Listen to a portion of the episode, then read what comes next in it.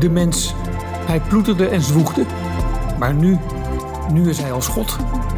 En kan er maar beter goed in worden. Dit is het tijdperk van de mens. Welkom in het Anthropoceen. Hallo en welkom bij de podcast van Replanet Nederland en ecomodernisme.be. Ik ben uw gastheer Marco Visser. Reboot Food, dat is de naam van de splinternieuwe campagne van Replanet, het Europese netwerk waar wij ook deel van zijn. Het idee is om het voedselsysteem radicaal te veranderen. Weg van veehouderij en landbouw, want dat kost veel te veel dierenleed, het kost veel energie, veel water, veel landoppervlak. Laten we gebruik maken van andere technieken om aan onze eiwitten te komen, namelijk micro-organismen. Vandaag gaan we het daarover hebben, over Reboot Food met Hidde Boersma. Hidde is bodemmicrobioloog. Zijn stukken verschijnen in de Volkskrant, de Groen Amsterdammer, voorheen ook de correspondent. Nu is Hidde vooral documentairemaker. Wel Vet is een bekroonde film over Gentech. En onlangs ging The Future of Food in première. Hidde, hartelijk welkom. Hallo. Dank je. Ik eigenlijk dat, uh, dat jij niet eerder te gast bent uh, geweest bij ons. Je er bent, zijn zoveel uh, interessante mensen. ja. dat, is, dat is ook zo. Ja. Maar goed, wij kennen elkaar. Je bent co-auteur ook van het boek Ecomodernisme. Klopt. Waar ik natuurlijk ook aan heb meegewerkt. Jij voerde de redactie over de opvolger van het boek. Hè? Het boek Meer was dat. Um, wij zijn ook allebei lid van de Bende van de Vooruitgang. Ja, wij hebben, onze levens zijn helemaal gewoon verstrengeld. Precies, ja. maar daarover gaan we het helemaal niet nee. hebben deze keer. Het gaat over Reboot Food. Je hebt meegeschreven aan het rapport en het manifest dat de basis is van die campagne. Uh, alles is te vinden op de website rebootfood.org. En dat is ja. allemaal in het Engels, want Replanet is natuurlijk uh, onderdeel van een internationale uh, beweging. Een beweging ook met steun en medewerking van George Monbiot, de vermaarde milieuactivist uit, uh, uit Engeland. Ja, en sinds vanochtend ook de steun van Rutger Brechtman. Ja, leuk. leuk, leuk, leuk. Op, uh, Zeker. op Twitter zagen we voorbij komen. Ja. het gaat hard met. dat zijn twee grote namen inderdaad, dat is heel fijn. Hè? Ja, ja. Maar laten we bij het begin beginnen, Hidde. Wat is het idee van Reboot Food? Ja, eigenlijk de, ik denk de aanleiding van de Reboot, die Reboot Food campagne, is het idee dat, uh, nou kijk, er zijn natuurlijk heel veel milieuorganisaties die zich allemaal zorgen maken over de biodiversiteitscrisis en over de klimaatcrisis. Maar wij bij Replanet hadden toch het idee dat er één nou ja, uh, parameter eigenlijk heel erg onderbelicht uh, bleef, al, al decennia. En dat is dus landgebruik. Dus de hoeveelheid land die wij als mens gebruiken. En ik, ik, ik, vertel heel vaak het verhaal, jongens, in 1400, dus iets uh, 600 jaar geleden, gebruikte de mensheid maar 3% van de hele planeet om uh, alles wat hij nodig had te, te, bewerken. Dus dat was dan uh, infrastructuur waar we woonden, maar ook de landbouw. En nou ja, naarmate de eeuwen volgden, liep dat heel erg op. En op dit moment, dus in uh, 2020, is, is, hebben wij 50% van de planeet in cultuur gebracht. Dus 50% van de planeet, van het ijsvrije land, om het zo te zeggen, gebruiken wij voor alles wat wij nodig hebben. En dat is gewoon heel veel. En daarmee komen andere ecosystemen en andere uh, dieren, planten gewoon heel erg in de verdrukking. Er is geen plaats meer voor ze. Mm-hmm. En Replanet zit dus heel erg, jongens, als wij, als wij de planeet willen redden, tussen aanhalingstekens, als wij de biodiversiteitscrisis te lijf willen te gaan, als wij het klimaat willen stabiliseren, moet de focus echt op dat landgebruik. Uh, en dat was eigenlijk, ik denk dat dat het uitgangspunt was van deze Reboot Food. Wat zijn nou de manieren om onze, nou ja, landafdruk heel erg mm-hmm. terug te doen dringen. Dat we dus in 2050 een planeet hebben waar uh, en wij heel veel ruimte hebben om te floreren, maar ook andere organismen. Wat, wat, weet je meer hoe die 50% is opgebouwd? Dat is natuurlijk wonen hè, in, in, in, steden en, en, dorpen. Het is natuurlijk ook inderdaad landbouw, de, de voedselproductie. Uh, het, is ja, industrie en, en energieproductie. Ja. Kun je eens een indruk geven van hoe, hoe, die percentages daar zijn? Ja, dat is, dat is eigenlijk altijd fascinerend. Kijk, wij wonen natuurlijk allemaal in, stal, in steden of in dorpen. En we zien dat die steden uitbreiden. We zien dat er nieuwe wegen worden gebruikt. Dus heel snel heb je idee, nou, die urban sprawl, om het zo maar te noemen. Dus die uitbreiding van de, van de plekken die wij echt fysiek nodig hebben om, om te werken en, en, en te wonen. Nou, dat zal wel een flinke uh, duit in het zakje mm-hmm. zijn. Maar als je dat allemaal uitrekent, is dus maar 1% van onze planeet wordt ingenomen door onze infrastructuur oh, wow. en onze woningen. Dus echt heel weinig. En de rest, dus, dus uh, nou ja, dat is dan de 99% van die, uh, van die 50%, is eigenlijk is, is boerenland. onze voedselproductie neemt gewoon ontzettend veel ruimte in. En dan binnen, dat, binnen, dat, uh, binnen die landbouwgrond is 70% is, uh, is voor de veehouderij. Dus dat zijn de plekken waar de koeien en de schapen uh, lopen, maar ook waar het voedsel voor hun wordt verbouwd. Dus je ziet gewoon heel erg duidelijk. Ja, natuurlijk moeten we zorgen dat onze steden niet meer nog meer natuur innemen. Dat is heel belangrijk. Maar de echte, nee, de belangrijkste oorzaak van onze biodiversiteitscrisis is toch echt wel ons uitbreidende uh, landbouwgrondland. Dus mm -hmm. het kappen van bossen uh, en daar boerderijen van maken, dat is een, een proces wat al uh, decennia, misschien wel eeuwen aan de gang is. En dat neemt ja. ontzettend veel ruimte in. Ja, en als we, als we dan beseffen dat we op een wereld leven met nu 8 miljard inwoners, dat worden er mogelijk 9,5, misschien 10 miljard. Um, dat zullen ook vooral mensen zijn in landen waar de bevolkingsgroei plaatsvindt, hè, in Afrika en Azië met name waar de voedselproductie ook natuurlijk toe ja. uh, moet nemen voor een groeiende bevolking. Um, als, het, als we dat gaan doen op de manier waarop we dat hier doen, dan komen we op een goed moment wel land tekort om nog nou ja, absoluut, absoluut, absoluut. Kijk, ik heb zelf biologie gestudeerd en ik eigenlijk dus ook al in, in de, dat was het eind van de, van de vorige eeuw, om het zo te zeggen, 1998 begon ik. En toen was een van de belangrijkste lessen die ik gelijk al leerde, de belangrijkste reden waarom de biodiversiteit zo afneemt, is uh, habitatdestructie en habitatfragmentatie. Oftewel het verdwijnen van allerlei ecosystemen. En inderdaad, wat je zegt, we zitten nu op 8 miljard, we gebruiken de helft van de planeet, we gaan naar 10 miljard, we worden ook nog met z'n allen rijker. Dus het risico dat, nou ja, dat het percentage wat wij gebruiken groter wordt, is heel erg aanwezig. En als je dan, als ik zoals als bioloog in mijn achterhoofd weet, dat is de belangrijkste oorzaak van de biodiversiteitscrisis. En verrassend genoeg ook nog een hele belangrijke oorzaak van klimaatverandering ik, ik vind het altijd wel fascinerend als je kijkt van hoeveel CO2 er in de lucht zit, waar dat allemaal door komt. Het komt natuurlijk door fossiele brandstoffen. Op nummer 1 staat dan steenkool. Maar daarachter mm komt dus uh, land use change. Dus het om, omkappen van bomen. Komt mm CO2 bij vrij. Dat, dat is de, de nummer 2 oorzaak van klimaatverandering. Ja, ja. Dat allebei in, ons, in mijn achterhoofd hebben. Ik, ja, als we niet oppassen, wordt dat 75%.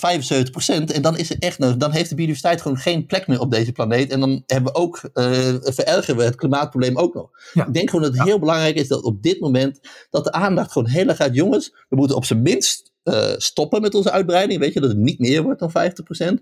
Maar liever nog radicaal uh, terug. radicaal ruimte geven voor, voor de biodiversiteit. Want die heeft het gewoon nu al heel zwaar. Ja, en dat kan alleen maar als we de landbouw nog intensiever maken bijvoorbeeld, zodat we nog meer voedsel produceren op hetzelfde stukje land, of misschien ja. zelfs minder land. Um, maar er zijn ook wellicht nog andere methoden. Nou, daar gaan we het zo nog over ja. hebben, hoe je dat dan doet zonder al die landbouw. Maar kun je nog eens wat cijfers geven over hoe, hoe, hoe vreselijk slecht landbouw en veehouderij zijn voor, uh, voor deze planeet? uh, nou, ik weet niet precies. Kijk, iets van 70% van alle wateronttrekkingen uit, uh, uit, de, uit de ondergrond komt door komt, door, komt door de landbouw en dan vooral de veeteelt. En daarnaast gebruiken we natuurlijk in de veeteelt en, en, in de landbouw gewoon heel veel bestrijdingsmiddelen en heel veel, heel veel kunstmest die de waterwegen vervuilen. Hmm. Je hebt gewoon op verschillende plekken heel erg veel schade. Maar andermaal is het gewoon heel erg belangrijk om te beseffen dat de belangrijkste schadepost toch daadwerkelijk echt wel landgebruik is. Mm -hmm. kijk, kijk, als, je, als je het hebt over de, de schade van bestrijdingsmiddelen en de schades van de kunstmest, dat zijn eigenlijk onderwerpen die, die, die, echt, die best wel uh, communis opinio zijn. Weet je wel, mensen weten dit, daar willen we ook wat aan doen. We proberen met z'n allen natuurlijk bestrijders te, we proberen met z'n allen kunstmest te, te verminderen. Maar, uh, en daar zitten ook al legio uh, NGO's zitten daar bovenop. Maar wat ze daar heel, heel vaak vergeten is dat stel dat, je, stel dat je bijvoorbeeld je kunstmest gaat verlagen of je bestrijdingsmiddelen, dat het best wel eens kan veroorzaken dat je opbrengsten lager zijn. En dat dus eigenlijk je uitbreiding van, dat je daarmee dus de uitbreiding van de landbegrond heel erg in de hand werkt. En daar misschien wel van de regen in de drup raakt. Ja. Dus we moeten echt naar een ja, bijna integrale kijk. Ja, ja natuurlijk moeten die, uh, die bestrijdingsmiddelen minder. Maar als het ten koste gaat van de, van de opbrengst, dan zijn we misschien wel verder vanuit. Ja. Ja, ik geloof dat George Monbiot dat wel mooi zegt. Misschien wel in jouw documentaire, The Future of Food trouwens. Uh-huh. Waarin hij zegt, dat mensen denken, oh, intensieve landbouw is een probleem. Dus wat is de oplossing? Extensieve landbouw. Ja. ja, dat zegt hij, dat zegt hij. Als, als landbouw het probleem is. Precies, ja, dat zegt dat heerlijk. It's not the adjective, but the noun. Weet je, dat is niet het uh, bijvoeglijk naamwoord, maar het ja. zelfstandig naamwoord. Het gaat echt inderdaad uh, over die landbouw. En kijk, en dat hele idee dat intensieve landbouw de belangrijkste oorzaak is, dat komt natuurlijk ook door die ontwikkeling in de 20e eeuw. Die 20e eeuw is natuurlijk de eeuw geweest waar we heel veel schade hebben gedaan. En tegelijkertijd ook de eeuw geweest waar intensieve landbouw heel erg op komt. Dus het is heel logisch dat mensen dan denken, nou ja, weet je, correlatie, correlatie causatie, dat kan niet anders dan door die intensieve landbouw komen. Ja. Maar dan moet je natuurlijk altijd kijken naar, uh, nou ja, wat was het alternatief? Stel dat we diezelfde bevolkingsgroei hadden gehad en onze voedselbehoefte net zo groot steeg en we hadden extensief, dan was het probleem nog veel groter geweest. Ja. Maar dat vergeten heel vaak mensen. Dus heel vaak zit er een soort, oké, die intensieve landbouw, dat is het grote probleem, daar moeten we wat aan doen. Maar als je echt kijkt naar het alternatief, extensieve landbouw, is inderdaad nog een veel groter probleem, omdat je gewoon per definitie meer landgebruik Ja. nodig hebt. En dat dat de echte belangrijkste milieuparameter is. Ja. Ja, goed, en, en dan nog over die veehouderij. God, ik las in het rapport eh, dat bij de campagne Ja. Reboot Food eh, hoort. ehm, dat leidt tot de dood van, was het nou 75 miljard ja, dieren ja. per jaar?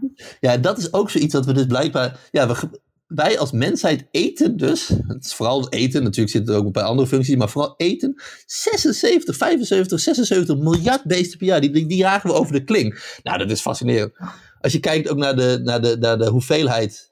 naar- aan- aan- Naar de biomassa aan zoogdieren op deze planeet, wilde en niet wilde dieren, is 96% is, eh, zijn onze dieren die wij dus telen voor ons voedsel. En 4% is nog maar wild. Ja, ja. Ja, dat zijn van die getallen waarvan je denkt, dat kunnen we niet meer normaal vinden. Nee, het is heel fascinerend, dat doet George Monbiot het ook heel mooi in, in dat filmpje, dat als je eigenlijk een beetje om, het systeem een beetje omdraait en gaat kijken naar, met, met een soort nou ja, neutrale blik naar het huidige systeem, die we dus heel normaal zijn gevonden, omdat het het enige is wat we kennen. Ja. Maar 76 miljard dieren over de kling jagen, dat mogen we niet normaal gaan vinden. Ja.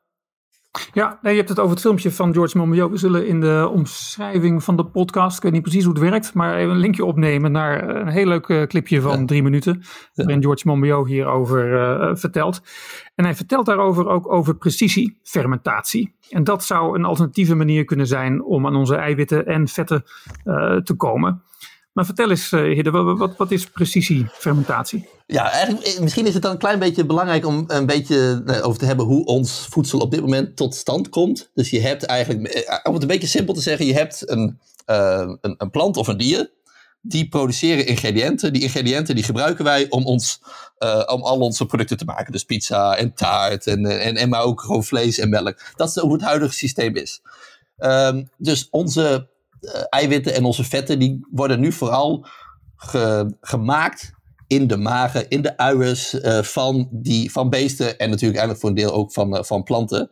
En bij precisiefermentatie, wat er daar eigenlijk gebeurt, is dat je dus die eerste stap gaat vervangen. Dus dat je gaat zeggen, al onze ingrediënten die wij nodig hebben om ons voedsel te maken, die gaan we niet meer uit macro-organismen, uit grote organismen halen, maar uit micro-organismen. We gaan bacteriën zo opleiden, zo veranderen, dat ze dezelfde ingrediënten maken als we nu door grotere dieren uh, laten doen. En het idee daarachter is dat kleine dieren, dat natuurlijk met veel minder, daar, daar, daar komt geen dierenleed aan te pas, maar dat ze dat ook veel efficiënter kunnen.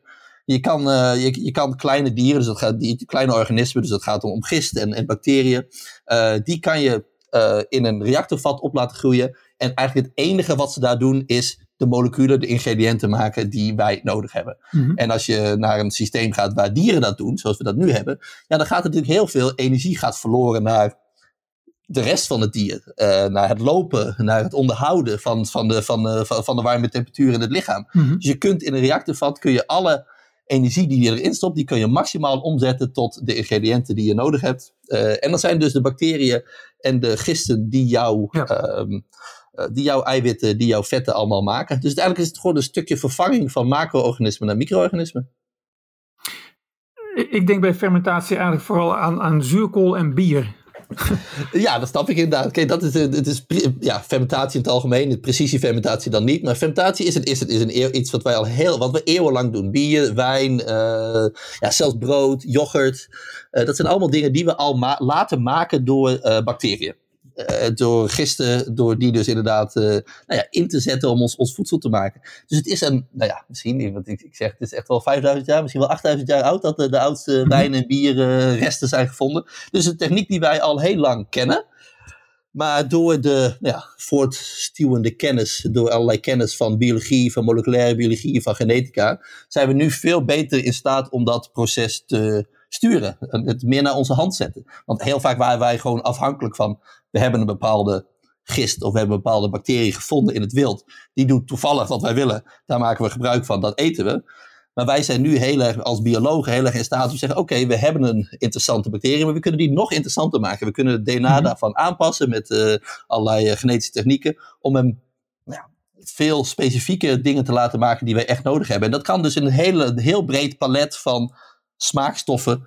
Op dit moment bijvoorbeeld wordt eh, vanille of, eh, of citroenzuur al heel erg gemaakt met precisie-fermentatie. Mhm. Dat kan nog veel, bre- veel breder. Dus je gaat echt gewoon, je, je, je kijkt naar melk, welke moleculen zitten erin. Die kunnen we allemaal laten produceren, de bacteriën. En voilà, je hebt een soort bacterieel gefermenteerde Ja. melk. En, en, en is dan het maken van bier en, en zuurkool en weet ik, eh, kaas of yoghurt, is, de, is dat heel anders dan precisiefermentatie? is dat Eh, een beetje zo'n lukraak fermentatie wat eigenlijk dan gebeurt als je bier brouwt? Nou ja, kijk, en, en door de eeuwen heen hebben wij natuurlijk ook al wel heel erg geselecteerd. Weet je wel, dus je hebt een. eh, je hebt een gisten die passen zichzelf ook aan. Dus eh, je ziet heus wel dat er, dat er een soort. Nou ja, net als we met planten ook boeren hebben voorheen natuurlijk ook geselecteerd. Net op dat ene plantje wat dat beter opbrengt. Daarmee ga je verder. Dat hebben brouwers ook gedaan. Dus die hebben ook gezegd: hé, hey, dit geeft nog een lekkere bier. Dus die zijn heel langzaam ook wel dat soort gisten aan het veranderen. Maar we zitten nu in een periode waar dat dus veel sneller gaat. Dus het is echt, het is heel erg vergelijkbaar met wat, wat we altijd hebben Mhm. gedaan. En zijn er bedrijven die hier nu al mee, mee bezig zijn? Of is het allemaal zo'n toekomstmuziek voor ooit? Uh, nou, het grappige is dat we, als je, als je kijkt naar bijvoorbeeld, dat is, als je kijkt naar, naar gewoon bierbrouwen, dat er in Amerika ook al echt wel uh, bierbrouwers zijn van, hey, kunnen wij niet dat precisiefermentatie gebruiken om onze uh, brouwstammen nog beter te maken? Dus je krijgt allemaal hazy IPA's, al die microbreweries die dat doen, die, die maken er al gebruik van. Mm-hmm. Maar er zijn dus ook al um, uh, een aantal, nou, echt wel een flink aantal bedrijven in Amerika, in Duitsland, ook in Nederland. In, in België heb je de Vegan Cowboys, uh, Singapore, die heel erg al de eerste producten van precisiefermentatie op de markt brengen. En hoe dit natuurlijk gaat, is dat eerst uh, de, de, de meest simpele toepassingen worden, uh, die, die worden, die worden geprecisiefermenteerd. Uh, dus ik neem er iets, bijvoorbeeld als je, als je taart maakt, dan heb je, daar gaat dan vaak melk in. Maar wat je eigenlijk nodig hebt is wei of caseïne. Dus één specifiek molecuul dat, in dat toevallig in melk zit. Dat heb je nodig in die taart om die taart lekker te maken. Uh, en er zijn dus al macarons, dus er is al ijs, er is al taart op de markt. Die gemaakt wordt met dat ene specifieke eiwit, dat wei-eiwit of dat caseïne-eiwit, dat we normaal uit melk halen en nu uit bacteriën. Hmm. Dus dan heb je niet een. Kijk, melk bestaat misschien wel uit 100 moleculen. En melk een heel groot een glas melk kunnen we nu nog niet ma- namaken met precisiefermentatie. Maar uh, producten waar je eigenlijk gebruik maakt van maar één of twee moleculen die toevallig in melk zitten, die kunnen we vervangen. Hetzelfde geldt bijvoorbeeld voor uh, smeltkaas. Eigenlijk waar, waarvoor we die kaas laten smelten is vaak niet eens per se de smaak van die kaas, maar de eigenschap dat die zo lekker trekt en smelt en de structuur van dat, dat maakt, dat maakt het heel erg lekker. En dat zijn de processen die je als eerste gaat vervangen. En, en, en, en het is natuurlijk. Het is mooi dat dat ook heel vaak bulkprocessen zijn. Daar gaat heel veel van onze melk gaat in dat soort toepassingen. Zonder dat dat echt per se melk hoeft te zijn. Dus je begint bij het vervangen van allerlei uh, ja, van, van bulkproducten. En dan komen de echte, weet je, de, een steak of ik zei een glas melk. Dat gaat echt nog wel even duren. Mm-hmm. Maar we, ik denk dat we ons te weinig beseffen hoe, wat, welk klein deel van de melk we daar eigenlijk voor gebruiken. Ja, ja. Maar eh, als we nu naar de supermarkt gaan, dan is daar nog niks te vinden, denk ik, wat met precisiefermentatie gemaakt is. In Nederland en Europa niet. In Amerika wel. En ook in Japan en in Singapore kan je het al kopen. Uh, kijk, hier komen we toch weer uh, terug bij de, ja, bij de strenge regelgeving die, uh, waar, waar, Europa bekend om staat. Mm-hmm. Europa is, heeft het voorzorgsprincipe heel hoog in het vaandel staan. Dus als er iets nieuws op de markt komt, dan moet daar een heel, heel reguleringssysteem voor opgezet worden. Daar moet je vervolgens ook nog doorheen. Dat heet dan de Novel Food Regulation. Um, daar komt dan nog bij dat heel veel precisiefermentatieproducten gemaakt zijn met bacteriën die, waar, uh, die genetisch aangepast zijn. Nou, daar zitten we in Europa ook niet echt op te wachten. Dat vinden we ook allemaal heel eng.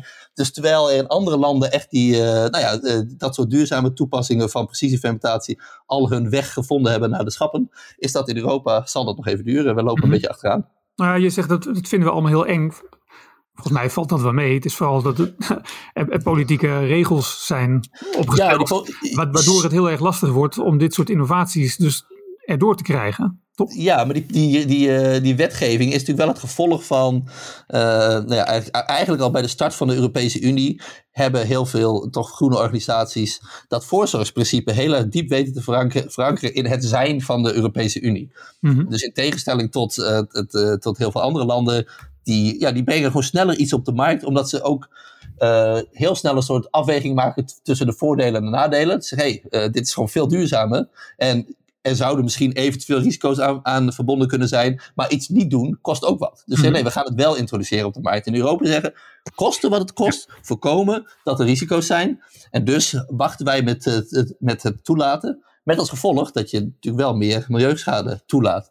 Ja, die, die, die, wetgeving zouden we moeten moderniseren. En bovendien, als, als het vooral groene organisaties waren die achter dat voorzorgsprincipe zaten, dan zouden dat nu bij uitstek de organisaties moeten zijn die dit zouden moeten toejuichen. Eh, een techniek als precisiefermentatie, omdat het zoveel, eh, de boel zoveel duurzamer kan maken, het voedselsysteem.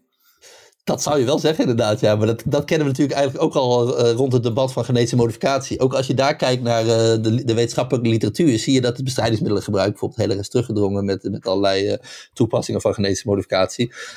dat heeft de groenen eigenlijk nooit overtuigd. En dat heeft eigenlijk natuurlijk een beetje te maken met de achterliggende waarden van die van die milieuorganisaties. Dus milieuorganisaties zitten natuurlijk heel erg op een leven in harmonie met de natuur, een stapje terug doen, het mag allemaal wat soberder. En daar passen dus dit soort techno-oplossingen gewoon niet in. Mhm, eh, dus we, komen, we lopen het risico om een klein beetje in diezelfde discussie te komen. Het is wel heel belangrijk te melden dat er een heel groot verschil zit tussen genetisch gemodificeerde planten uh, en die de markt opbrengen en uh, precisie fermentatie en het gebruik van genetische technieken daarin. Want je, wat je met precisiefermentatie doet, is dat je, uh, je past die bacteriën aan. Die maken spullen en je gebruikt alleen die spullen. Je gebruikt alleen die moleculen. Dus die genetisch gemodificeerde bacteriën vind je niet terug in je eindproduct. Dus die blijven allemaal in de fabriek. En dat, is, dat, dat maakt dat het hopelijk een heel ander aanzicht heeft. Dus mhm. Er staan dus geen genetisch... Je eet dus geen genetisch gemodificeerde bacteriën. Nee, je eet alleen maar de moleculen die zij hebben gemaakt. Ja. Ben je bang dat, dat, dat de groene organisaties, de, de meer traditionele groene organisaties, zich hier ook zo tegen verzetten? Mijn indruk is van, ja, goed, we zijn nog maar net gelanceerd met uh, Reboot Food, maar er is overweldigend uh, enthousiasme over. Uh, veel mensen ook uit nou ja, bijvoorbeeld de vegetarische en veganistische hoek, uiteraard. Um, maar toch ook mensen van Extinction Rebellion bijvoorbeeld, die, die, die, dit allemaal geweldig vinden. En hier gewoon potentie van zien. Dus zou dit misschien wel zo'n techniek kunnen zijn die dan, nou ja, anders dan Gentech, toch de, de neuzen meer dezelfde kant op kan, uh, kan brengen ook binnen de... Ja, ik, ik, hoop helemaal dat je gelijk hebt. Tegelijkertijd heb ik ook wel reacties gezien van, en dat gaat dan niet, alleen, niet eens zozeer specifiek alleen op die techniek, alhoewel die er vaak wel bij wordt gehaald. Maar uh, ik heb ook wel, de, ik weet niet of je Vandana Shiva kent. Ja, zeker. De, de, dame uit India, die, ja, god, die heeft over het Web of Life heeft het altijd over. Voor, ja, ja, precies inderdaad. Die is het, en is op uh, voedsel, denk ik. Ja. Precies, en die zijn heel erg fan van indigenous knowledge, weet je wel, oude, oude kennis en, en uh, kleinschalige landbouw. En zij heeft een hele grote volgerscharen. Uh, en zij heeft, de eerste, eerste associatie die zij bij zoiets heeft, dit is synthetic food. Dus synthetisch voedsel, onnatuurlijk, uh, gemaakt met uh, allerlei uh, moderne technologieën. Dit is niet de, de, de, de mhm. richting die de planeet gaat helpen. En ook dat soort. Dus ik zie inderdaad een soort tweeledige reacties. Inderdaad, heel veel enthousiasme. Ook heel veel mensen die gewoon, dat vind ik dan heel mooi. hey, ik had er nog nooit van gehoord, ik ben hier nieuwsgierig naar wat is dit? En dat is natuurlijk eigenlijk de insteek die je het liefst hebt, weet je wel. Het is inderdaad een nieuwe technologie. En mensen die dan vervolgens zeggen, hé, hey, ik, ik, wil er wel eens wat meer van weten. Ja. Uh, dat vind ik mooi. Maar er zijn ook best wel wat reacties uit, toch wel uit een klein beetje uit de, nou ja, dat zijn echt wel de traditionele groene hoek, maar ook uit de, uit de hoek van regeneratieve landbouw en dat soort dingen. Die zeggen, nee jongens, dit is het voedsel nog verder van het land halen. Uh, nog verder uit de grond halen. Dit is mhm. allemaal heel onnatuurlijk en uh, slecht voor onze gezondheid en uiteindelijk ook slecht voor onze planeet. En jij zit veel meer in dit onderwerp dan ik, hè? Um, ja. Hoe, hoe gaat zoiets dan? Want jij praat toch ook met mensen die wel meer met regeneratieve landbouw bezig zijn. En, en uh, circulaire landbouw, biologische landbouw. Jij zult hun toch ook wel eens hebben verteld dat er enorm landoppervlak nodig zal zijn. Omdat de opbrengst op biologische akkers gewoon een stuk lager liggen dan bij conventionele uh, landbouw. Hoe, hoe, reageren zij? Ja, ik, ik, ik, kijk, je, je hebt altijd te maken met een soort wat extremere fractie, weet je wel. En Verdane Shiva zit wel echt aan de, aan de verste kant. Maar toch ook, ik, ik, ik, ik discussieer natuurlijk al langer uh, over uh, wat is nou de beste manier om voedselproductie en uh, biodiversiteit te combineren. En dan zijn er een beetje twee stromingen. Eén zegt wat ik zeg, wat wij bij Replanet zeggen, jongens, we moeten het nog verder intensiveren. Mm -hmm. want natuur heeft echt ruimte nodig. Maar er is een hele grote club. In Nederland is die heel actief. Uh, ik bedoel, heel GroenLinks uh, zegt allemaal nee, wij gaan voor uh, extensivering van onze landbouw. We willen onze vlees van grasgevoede koeien die geen krachtvoer krijgen, die dus heel weinig melk en heel weinig vlees leveren. We willen ons onze, onze groentes van, van biologische landbouw. Want als wij gaan voor wat dan heet land sharing, dan maken we onze voedselproductie zo toegankelijk voor de biodiversiteit, dat landgebruik er dus niet toe doet. Dat het dus niet erg is dat we veel land hmm. gebruiken, maar dat land is zo biodivers uh, dat we niet hoeven te intensiveren. Ja. En dat zie je hier dus ook nog steeds. Heel veel uh, mensen binnen de regeneratieve beweging denken uh, dat het mogelijk is om vlees, voldoende vlees te uh, creëren op een manier die zo natuurvriendelijk is dat het goed is voor het klimaat en dat het goed is voor de biodiversiteit. En dan hoef je dus niet en dan valt precisiefermentatie dus af. Nou ja, je, je, hebt me wel eens verteld, uh, Hidde, dat um, het is natuurlijk inderdaad waar dat op een biologische akker meer biodiversiteit is dan op een conventionele akker. Maar Klopt. dat die biodiversiteit op een biologische akker in het niet valt wanneer je uh, gewoon natuurgebieden kunt uh, creëren. Waar de biodiversiteit natuurlijk veel spectaculairder is uiteindelijk. Ja, en, en, en, eigenlijk is het, is het een vrij, uh, ja, weet je wel, recht toe, recht aan antwoord. Uh, en het is eigenlijk ook een beetje, het is echt wel een beetje de consensus aan het worden binnen de academie. Dat als je moet kiezen tussen land sparing aan de ene kant, dus intensiveren en ruimte vrijmaken, of dat land sharing gaan voor biologische landbouw, dat overal ter wereld waar je ook heen gaat en naar welke organisme je ook kijkt, dat dat land sparing het beste is. Maar tegelijkertijd is dat een soort, um, ja, weet je, een toekomstvisie waar toch mensen hun uh, vanuit waarde ge, geredeneerd zich niet meer thuis voelen. Mm -hmm. Want hoe je het ook bent of keert, ik, dat zou je ook wel herkennen, een biologische akker, of laat staan, weet je wel, die kleinschalige uh, boerderijtjes, heggetje eromheen, slootje, die zien er natuurlijk wel een stukje mooier uit. Ja, dus als je dan, is het, hè?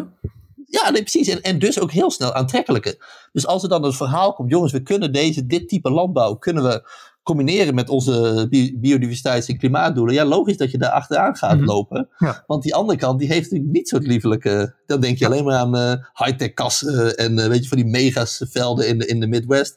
Daar tegenover staat natuurlijk dat de wolf terugkomt en dat de bison terugkomt, omdat die ruimte hebben. Ja. Maar toch, die associatie wordt dan niet gemaakt.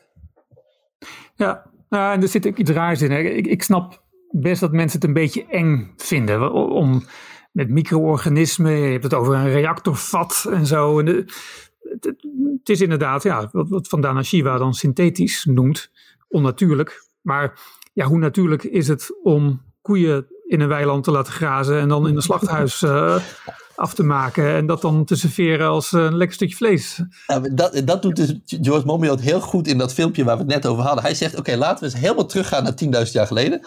En stel dat we al uh, bacteriën, dat bacterieel voedsel aten. En dan komt er iemand die komt uh, naar je toe en zegt: nee, Ik heb nu een veel beter plan, want we willen toch geen bacteriën eten? Nee, laten we dieren gaan eten, zegt hij. En dan, oké, we nemen een, uh, een, bepaalde oerkip, uit, die halen we uit de jungle, die gaan we domesticeren, die gaan we taal maken. Dan halen we een wild zwijn, een wilde koe. onze verre voorouders van alle dieren die we hebben gegeten, die, pakken we uit de, die nemen we uit de jungle. Die gaan we totaal onherkenbaar veranderen. Als je, als je nu een kip vergelijkt met een oerkip, dat lijkt er totaal niet meer op. Uh, die gaan we opsluiten uh, met 50.000 tegelijk. Daar knippen we de staarten vanaf, daar knippen we de, de, de, de, de snavel vanaf. Uh, die gaan we voeden met soja en met graan. daarvoor hebben we ongeveer 28% van deze planeet nodig. Dat is toch een fantastisch idee. Dat, je, ja, dat, dat is natuurlijk eigenlijk ook te bizar voor het huidige systeem. En dan gaan we 76 miljard van dat soort dieren gaan we doodmaken in plaats van bacteriën. Ja. ja de, het is, ik vind dat een fascinerend gedachte-experiment. Dat hetgene wat we gewend zijn, dat we dat zo normaal zijn gaan doen. En mhm. volgens hem, en ik, ik hoop dat hij daar gelijk in heeft, zegt hij ook van ja, op het moment dat er een alternatief is, gaan we dat ook niet meer accepteren.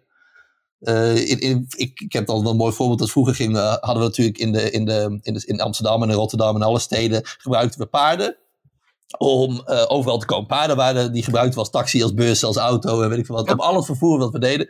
En die paarden die, die die behandelden we niet goed. Die, werden vaak, die kunnen wel, wel twintig worden, maar die werden vaak maar drie. En die werden gewoon voor dood achtergelaten midden op de straat. Kinderen speelden ermee. Uh, en, en iedereen vond het normaal, want het was het enige wat we kenden. En ook de enige manier om die mobiliteit voor elkaar te krijgen. Totdat de T-Ford kwam, een auto. Uh, en toen uh, zijn we ook eens, opeens gaan nadenken. Opeens werd onze hele ethiek werd anders. Dus ik vind dat een heel mooi voorbeeld hoe ja. technologie ervoor zorgt dat dat je ook je ethiek verandert. Dus dat, we kunnen ons niet meer voorstellen dat we gewoon een, een, paard dood achterlaten. En dat we kinderen daarmee laten spelen. Laat, een paard, weet je, dat is ook nog een heilig beest. En ik heb de hoop, en George zegt dat in het filmpje ook, ik hoop gewoon echt dat we nu er een goed alternatief is voor onze eiwitten en onze vetten, dat de producten die we daarmee maken minstens zo smaakvol zijn, misschien nog wel smaakvoller, dat we ook echt eens terug gaan kijken en dat we dat, dat we het huidige systeem dat we nu gebruiken, dat we dat accepteren is eigenlijk van de zonde. Dat doen we alleen maar omdat we niet weten dat er een alternatief is. En laten we eens praktisch uh, worden, Hidde. Um, hoe, hoe, hoe, komen we daar? Je hebt meegeschreven aan het uh, rapport van Reboot Food en het, ook het manifest. In dat manifest wordt ook opgeroepen tot een aantal ja, beleidsvoorstellen. Um, Kun je daar eens een paar uithalen, zodat we die, deze ontwikkeling kunnen stimuleren? Ja, ik denk eigenlijk dat de belangrijkste toch wel is, is, is, is dat we flink hulp nodig hebben van de overheid. Uh, kijk, er zijn allerlei start-ups al die uh, hiermee bezig zijn en die goed aan de weg timmeren. Uh, maar iedereen die een klein beetje, ik, ik ben geen, geen econoom, maar iedereen weet, het, het, de start-ups is eigenlijk de makkelijkste fase. Bewijs van, weet je, het, upscalen, het echt de markt mee veroveren, dat is vaak heel, heel erg moeilijk en heel erg tijdrovend.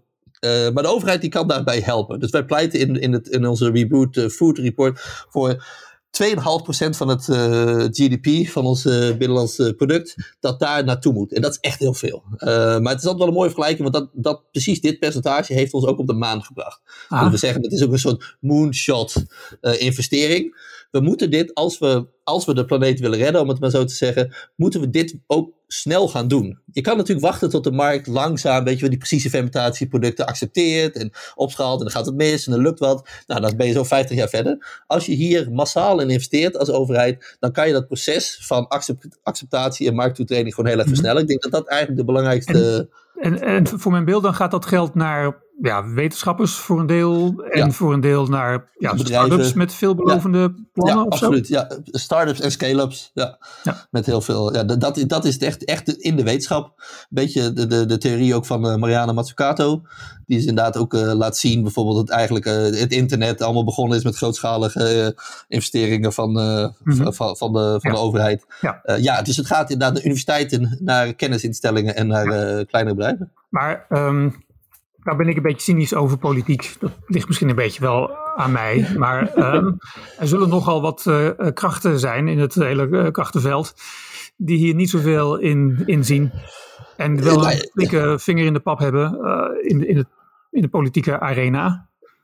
Ja, ik, ik, ik, ik deel voor een deel uh, jouw. Nou, ik, ik ben niet cynisch over de politiek, maar ik wel cynisch over de huidige politiek. En ik, ik gooi dan toch een klein beetje het cliché in, maar het is ook wel een beetje waar. We leven wel in neoliberale tijden waarin we, waarin we als overheid niet zo ver vooruit meer durven te denken. Of niet meer hele grootschalige investeringen doen. Ik, in Nederland denk al.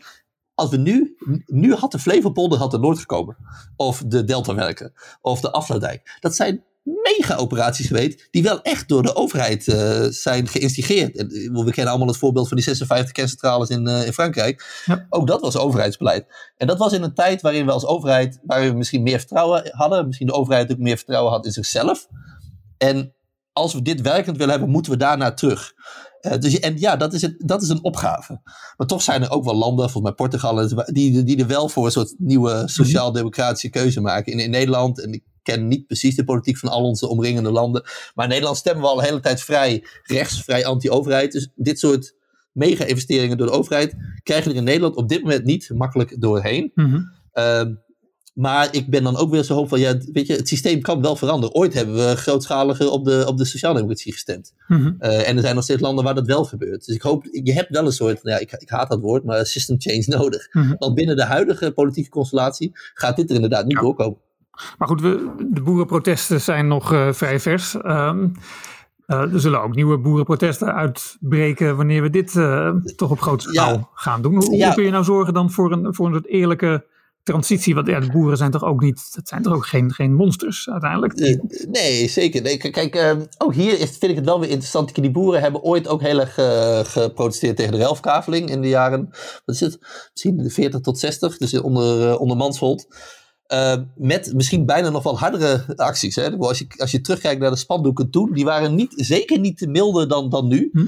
En toch is dat toen doorgegaan omdat we toch, eh, omdat in die tijd blijkbaar dat soort uh, beslissingen dan toch door werden gedrukt. En dat gebeurt nu inderdaad uh, niet meer. Maar ik geloof ook hier dat heel veel boeren natuurlijk een soort status quo aan het verdedigen zijn. Wat heel goed heel begrijpelijk is. Weet je, ze, zitten, ze, ze staan al heel erg onder druk. Maar tegelijk denk ik, ja, de wereld over 50 jaar kan er heel erg anders uitzien. Er zijn al, al wel studies in Wageningen geweest waarin uh, boeren gewoon de grondstoffen maken voor uh, precisiefermentatie of voor kweekvlees. En misschien zelfs wel uh, een combinatie van. Kijk, want er moet natuurlijk input in zo'n, in zo'n fabriek. Hè? Dus in zo'n fabriek waar je bacteriën teelt, moet, die worden gevoed bijvoorbeeld met planten. Dus er is nog wel ruimte om te boeren. En je zou, je, kan, je zou jezelf kunnen voorstellen dat delen van die fabrieken ook gewoon bij, bij boeren op het erf staan. Kijk, ik denk dat de vorige generatie boeren zich niet had kunnen voorstellen hoe hun kinderen of kleinkinderen boerden. Dat is nu weer het geval. Uh, maar hakken in het zand verandert de situatie niet dat, dat er wel degelijk wat veranderd moet worden. Mm. Kijk, het is heel naar voor boeren, omdat ze echt op dit moment hun nou ja, hun leven uh, veranderd zien worden. Maar als, als ik kijk naar een wereld in 2050, is er nog steeds ruimte voor boeren op een totaal andere manier. En daarvan, daar moeten ze van overtuigen. Je moet ze dus een toekomstvisie geven. En ik denk dat heel veel boerenkinderen best in staat zijn om, om, om zichzelf op een technologische manier, een biotechnologische manier te ontwikkelen. Dat ze mhm. dat prima vinden. Als ze maar wel gewoon een belangrijke. Want dat is natuurlijk ook, kijk, ze willen een soort. Zij produceren iets wat essentieel is voor het leven. Daar willen ze een soort uh, morele beloning voor. Dat snap ik ook wel. En dat kan op allerlei verschillende manieren. Dat hoeft niet per se met koeien. Dat kan prima ook met bacteriën. Mhm. Als we dat maar wel als duidelijk maken. Ja. Dus je moet een toekomstperspectief bieden. Ja. Terug weer even naar, naar het beleid. Dus je had het over uh, een van die voorstellen, een van de beleidsvoorstellen is uh, eh, 2,5% van het bruto binnenlands product naar de ontwikkeling hiervan. Ja. Um, wat staat er nog meer op het uh, verlanglijstje? Nou ja, onder andere dat we dus inderdaad moeten stoppen van het met het subsidiëren van allerlei uh, dierlijke uh, landbouw, vee, veehouderij. Daar gaat natuurlijk nu nog steeds heel veel subsidie heen, zelfs subsidie naar uh, reclameuitingen.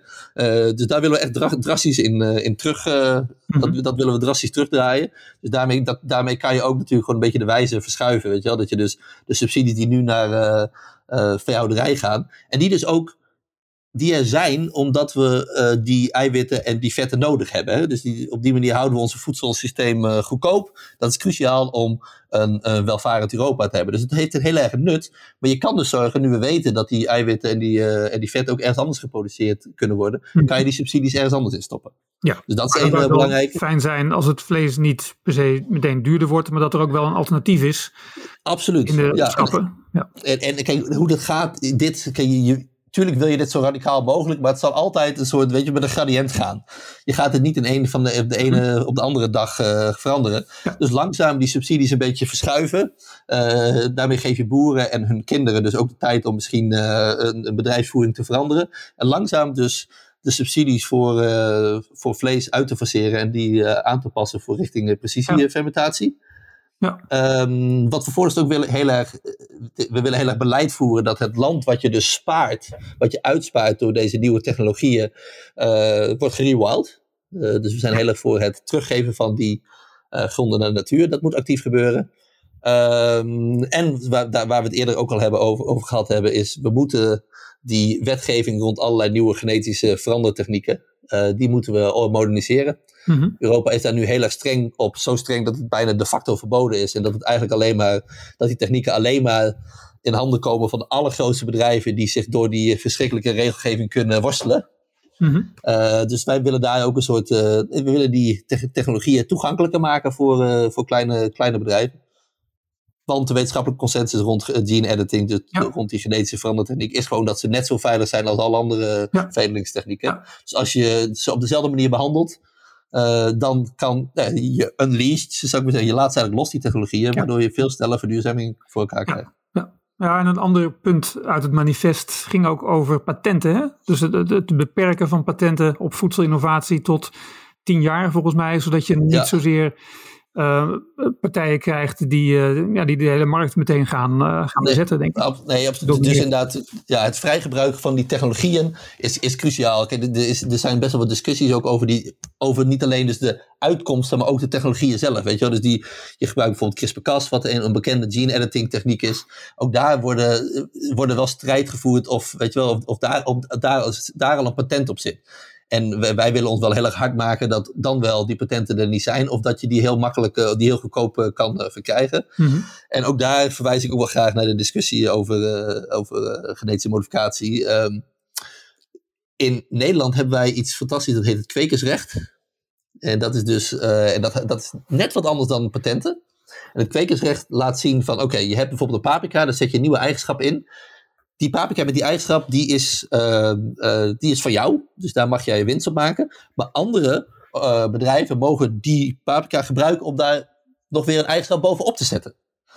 En, zo, en op die manier, en, dus op het moment dat, en daarbij wordt hij nog weer beter. Dus je ziet dat daardoor heel, een hele snelle doorloop is aan, aan, aan nieuwe eigenschappen. De meeste bedrijven kunnen maar twee of drie jaar dus dat, dat, uh, dat geld uh, terugverdienen. En dat lukt ze ook. En dan, zit, dan heb je alweer de volgende met, met nog een gestapelde eigenschappen. En wat er gebeurt als je, als je dat soort dingen mag patenteren, dan heb je dus een patent op die paprika. En dan mogen andere bedrijven die paprika ook niet gebruiken. Dus dan stopt de innovatie. Dan moet die, mm-hmm. die andere moet die andere eigenschap die hij wil in een weet je, in, in, die, in die lege paprika, om het zo maar te zeggen, ja. daarbij in zitten. Dus dan krijg je allemaal innovaties naast elkaar. Dus wat mij betreft is het heel belangrijk dat, dat je inderdaad heel goed oplet hoe je die, uh, ja, die innovatie wel gewoon in de handen van zoveel mogelijk mensen laat houden. En dat die innovaties elkaar ook echt allemaal gaan opstapelen. Ja. Dus ja, dat is een belangrijk punt ook van onze uh, ja. manifest. Ja.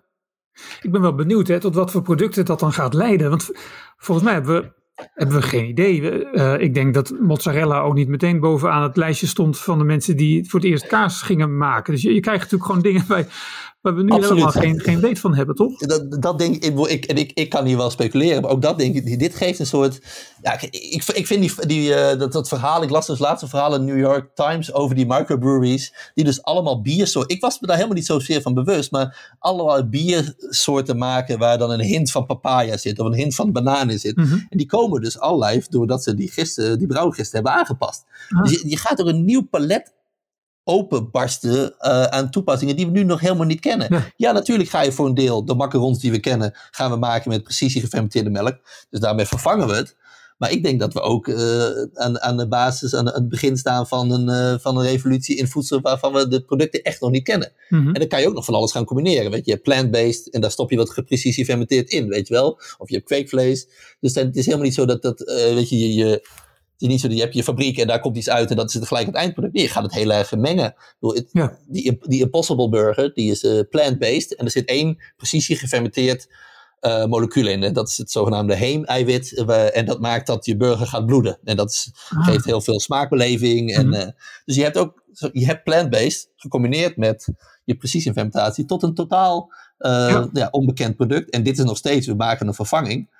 Maar we weten allemaal waar chefs toe in staat zijn. Uh, Ja. ook, uh, dat, En- fantastisch. En over die Impossible Burger trouwens. ehm, die is natuurlijk binnen vegetarische kringen eh, razend populair, maar in Europa niet verkrijgbaar. Maar komt dat dan vanwege die precisie gefermenteerde Ja. ingrediënt waar jij het hier over hebt? Ja, ja absoluut. En, en die precisie, die, dat precisie gefermenteerde product is gemaakt door genetisch aangepaste organismen. En daarom mag het niet. Ja, ja. Fascinerend, hè? Dat, Ja, inderdaad. eh, eh, en dat is, ja... Kijk, Nederland en Europa, maar met, uit, met, name Nederland, heeft altijd een hele vooruitstrevende rol gehad in het, in het voedseldebat. Ik bedoel, ik zeg 75% van alle groentezaden in de wereld komt uit Nederland. Weet je wel? En dat komt omdat wij altijd zo vooruitstrevend en zo technologisch eh, ver vooruit waren. Even kijken, zeg dat ik- nog één keer. 75% van de zaden? Van alle, ja, van alle commerciële, groente, commerciële groentezaden, dat zijn natuurlijk heel veel zaden die boeren bewaren, maar van alle commerciële groentezaden, 75% heeft zijn oorsprong in Nederland. ja, en, en, en die, ik, ik merk ook, ik kom wel vaak bijvoorbeeld in, in Seed Valley, in die regio rond Enkhuizen en dat soort dingen, die allemaal zitten te springen om die nieuwe te- genetische technieken te gebruiken. Eh, en hetzelfde geldt ook voor eh, nou ja, bijvoorbeeld de vegan cowboys en dat soort dingen, die dus, die vegan cowboys, die, maken, die willen precies gefermenteerde kaas maken. En die zitten te springen om al die nieuwe technieken te mogen gebruiken. Mhm. En dat gaat dus niet. Dus je ziet ook wel heel erg dat. Ik ben wel bang dat, dat Europa de plek in zijn, voedsel, de, in zijn voedselinnovatie, waar we altijd heel goed in waren, aan het verliezen is. Ja, ja. ten opzichte van Zuidoost-Azië en, en de Verenigde Staten. Tegelijkertijd geeft dat ook weer kansen voor landen die uh, nou ja, nu nog achterlopen. Weet je wel? Dus ik, ik weet dat heel veel precisiefermentatiebedrijven gewoon overwegen om hun fabrieken inderdaad in en hun kennis in, uh, in Zuidoost-Azië en Zuid-Amerika zetten. Ja. Vind ik ook wel weer mooi. Ja, maar en dan heb je het over bedrijven eh, uit Seed Valley in Nederland, bij Enkhuizen, Noord-Holland. Ja, en, en dit zijn dan. Ja, en ergens anders zijn, uh, aan de slag te gaan. Ja, dit zijn dan beginnende uh, precisiefermentatiebedrijven, dus die komen dan vanaf scratch. En die denken, ja, ik kan, uh, ik kan Kijk, we hebben niet nog steeds fantastische universiteiten in Europa. Ik, ik kan mijn uh, beginnende fabriekje rond dat soort topuniversiteiten zetten. Of ik kan naar Zuid-Amerika of Zuidoost-Azië hebben waar je en topuniversiteiten hebt. En dan ook nog veel meer uh, wetenschappelijke vrijheid om het product te ontwikkelen. Maar die voedselinnovatie, die, die kan dus ook volgens mij razendsnel gaan. Want het heeft waarschijnlijk eeuwen geduurd voordat we via kaas eindelijk bij mozzarella kwamen. En, en allerlei andere kaassoorten natuurlijk. En verschillende soorten bier. Um, nou ja, kijk, nu, kijk, met precisiefermentatie gaat het natuurlijk veel sneller, stel ik mij zo voor. Ja, absoluut. Kijk, en het mooie is natuurlijk aan bacteriën dat ze ook elk uur zich repliceren. Kijk, als je een plantje hebt en je wil kijken van heeft hij een nieuwe eigenschap? Ja, weet je, je kan eigenlijk maar één of twee keer per jaar kan je die uh, telen en oogsten. Maar deze precisiefermentatie, je kan in een nacht heb je, weet ik veel, 10, 15, 20 generaties. Dus je kan heel snel, kan je ook checken of je veranderingen effect hebben. Of net weer een beetje bijsturen. Dat, ik, heb zelf, ik ben zelf moleculair bioloog, dus ik heb ook heel veel in het lab gewerkt en bacteriën dan aangepast. En het was gewoon elke, elke ochtend weer een verrassing. Weet je, dan laat je één zo'n bacterie, die laat je s'nachts uh, bij 37 graden groeien. En dan wist je niet wat er de volgende dag was gebeurd. En dat, en dat heb je dan elke dag.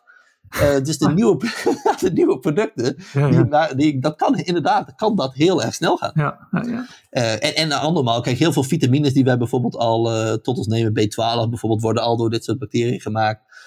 vanille smaakmoleculen.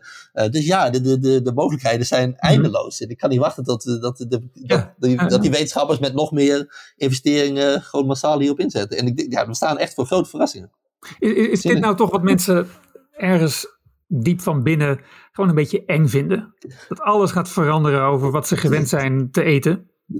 Ja, ja ik, absoluut. Maar tegelijkertijd jij en ik niet. Dus het is ook, soms denk ik ook wel een beetje dat we heel erg een soort uh, waardering hebben voor uh, die mensen die niet tegen die verandering kunnen. Natuurlijk moet je ze proberen mhm. mee te nemen, maar het is niet zo, ook dat, zij zijn, ik weet niet eens of zij de meerderheid zijn, weet je wel we hebben ook een soort liefde voor dat, dat conservatieve. Waar ik, oh, die moeten we, daar moeten we meer rekening mee houden dan de mensen zeggen. Nee, van, eh, ik, ik, ben juist, ik kan niet wachten tot al die veranderingen, weet je wel. Ik kan niet wachten tot die nieuwe biertjes te drinken uit, uh, uit, de, uit die microbreweries. En ik vind dat wij net zoveel recht van spreken hebben. Of net zoveel uh, aandacht mogen krijgen als die mensen die het allemaal moeilijk vinden.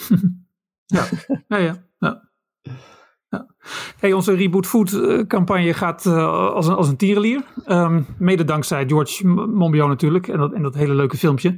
Um, jij bent trouwens um, was het nou? Ben je op Dubai Radio uh, geweest? Ja, als co-auteur van het uh, rapport? Ja, fantastisch hoe dat gaat inderdaad. Dat je dan een, soort, een persbericht uitgooit uh, en dat er toch altijd van zo'n random ehm, radio of kranten naar je toe komen. Dus ik weet ook dat Ida, dat, de, de, hele wereld was toch wel ge, ja. geïntrigeerd door dit idee. Maar er is natuurlijk een artikel verschenen in The Guardian. En dat is ook een krant die alle journalisten in de wereld lezen ja, dat helpt. Nee, absoluut. absoluut. Ja, en ja, en, en uh, nou, ik denk toch dat. Uh, kijk, er is best wel wat aandacht geweest voor kweekvlees bijvoorbeeld. Op een gegeven moment was er een Nederlandse kweekburger. Ik, ik weet dat, dat, dat uh, Singapore heeft dan een kweekvlees kip nugget geaccepteerd. Maar precisiefermentatie is eigenlijk nog vrij onbelicht geweest. Ja. Dus voor heel veel mensen was het ook een soort verrassend inzicht. En ik mocht dus inderdaad aanschuiven ergens rond het middaguur bij een Dubai's uh, radiostation dat blijkbaar 3 miljoen luisteraars heeft daar of zo. Dat is dan zo'n business radio, want alles is daar natuurlijk business.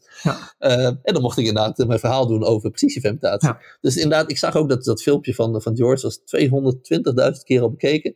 Dus je ziet dat, er, dat het verrijkt en ik denk dus ook wel veel mensen interesseert. Vandaag zag ik Rutger Bregman er heel erg positief over, zich over uitlaten. Ja, dat is natuurlijk ook iemand met een grote volgeschare. Het is fijn dat het word is out.